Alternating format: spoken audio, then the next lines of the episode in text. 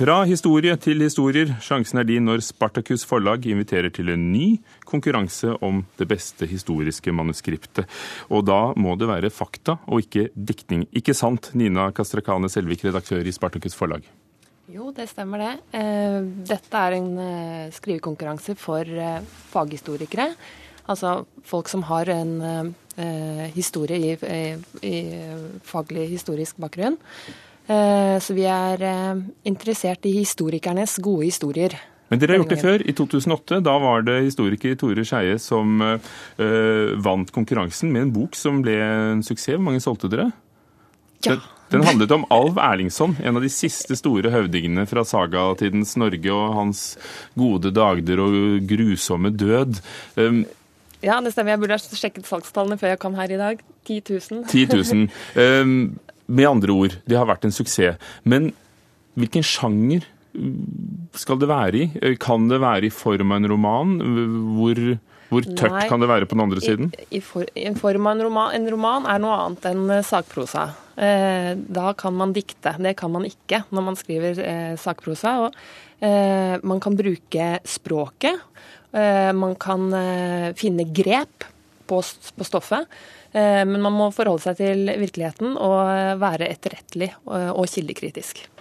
Mona Ringvei, historiker og forsker ved Universitetet i Oslo, du sitter i juryen. Eh, hva vil du se etter når du, manusene kommer inn fra mars? Jeg tror jeg vil se etter hvorvidt manuset, eller forfatteren har et grep om stoffet, har sett noe som, som vedkommende ønsker å Eh, formidle. Eh, og da er det jo gjerne slik at hvis man ser noe, så har det kanskje en, allerede en slags fortellerstruktur i seg, det man har sett. da.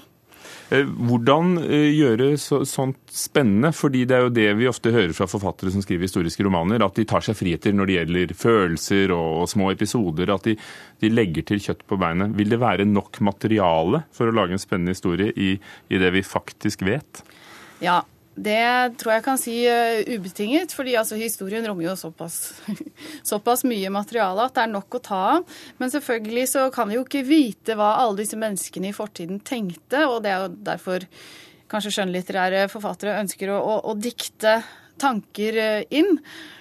Men eh, det som er like spennende, da, altså det er når man har den begrensningen at man ikke vet det, men hvordan kan man allikevel sannsynliggjøre og, og få disse menneskene levende ved hjelp av de begrensningene. Og det er også mulig. Det viser jo bl.a.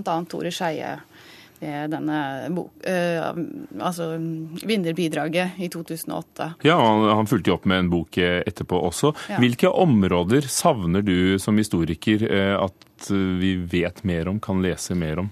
Eh, det syns jeg er veldig vanskelig å eh, svare på, egentlig, på stående fot. Eh, det er så mye. Det er så mange blinde flekker i historien. Og det er så rart også å oppdage som historiker at du ikke visste at de blinde flekkene fantes. Ofte så tror man bare at noen har skrevet, en, skrevet om dette og har, har, har, ordnet det historiske materialet på dette området. Um, så Eh, ja. Som redaktør, hvilke områder tror du ville slå an best? Andre verdenskrig er vel ganske godt dekket? Andre verdenskrig begynner å bli godt dekket, ja. Eh, jeg er enig med Mona her. Altså, jeg tror det er mange eh, perioder i historien vår som, som hvor det er blinde flekker. fra for, for, altså 1800-tallet, også mid, ja, hele middelalderen. Det er mange perioder. Hvorfor gjør dere dette? Fordi vi tror at det finnes gode historier og, eh, hos, histori hos historikerne som ligger i skuffene deres, hvor de har funnet fram til, eh, til, eh, til fortellinger som er eh, ukjente. Og hvis ikke vi eh, ja, vi, Dette er et forsøk på å motivere dem til å få det ut til folket. Ofte er det også snakk om perspektiver, kanskje like mye som perioder eller temaer. Eh, jeg tenker på denne boken til Vetle Lid Larsen og hvit slavehandel f.eks. Altså, det er jo ikke godt dekket eh, hos norske historikere.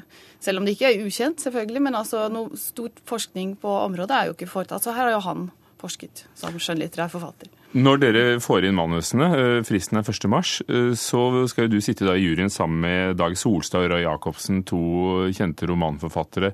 Tenker du at det blir en interessemotsetning?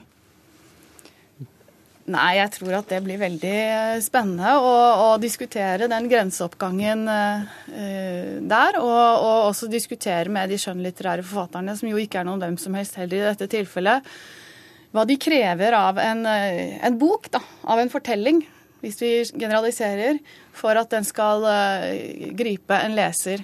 Og hva som da har overføringsverdi til sakprosa. ikke sant? Og, uh, ja. mm. Det er 200 år siden Kiel-freden og Kiel-traktaten i dag, som vi snakket om uh, for noen få minutter siden. Kunne det være noe der? Det kan det helt sikkert være. Nå hørte ikke jeg det innslaget, så jeg er, Hvor forskes det mest på? Hva forsker dere mest på på universitetet for tiden? Blant historikerne? Bare sånn hver idé om hva vi kan eh, tenke oss kommer inn? Uh, det er veldig spredt. Eh, men jeg tror vel det er en um, forholdsvis sterk ansamling av forskning et, altså i det 20. århundre, rett og slett. 1900-tallet. Og også en sånn opphop, ja, litt sånn fra 1700-tallet, 1700-1800-tallet og, og fremover er egentlig Der skjer det mye. Og der er det snakk om nye perspektiver ofte, da.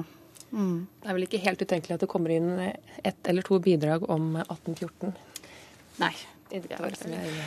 Takk skal dere ha.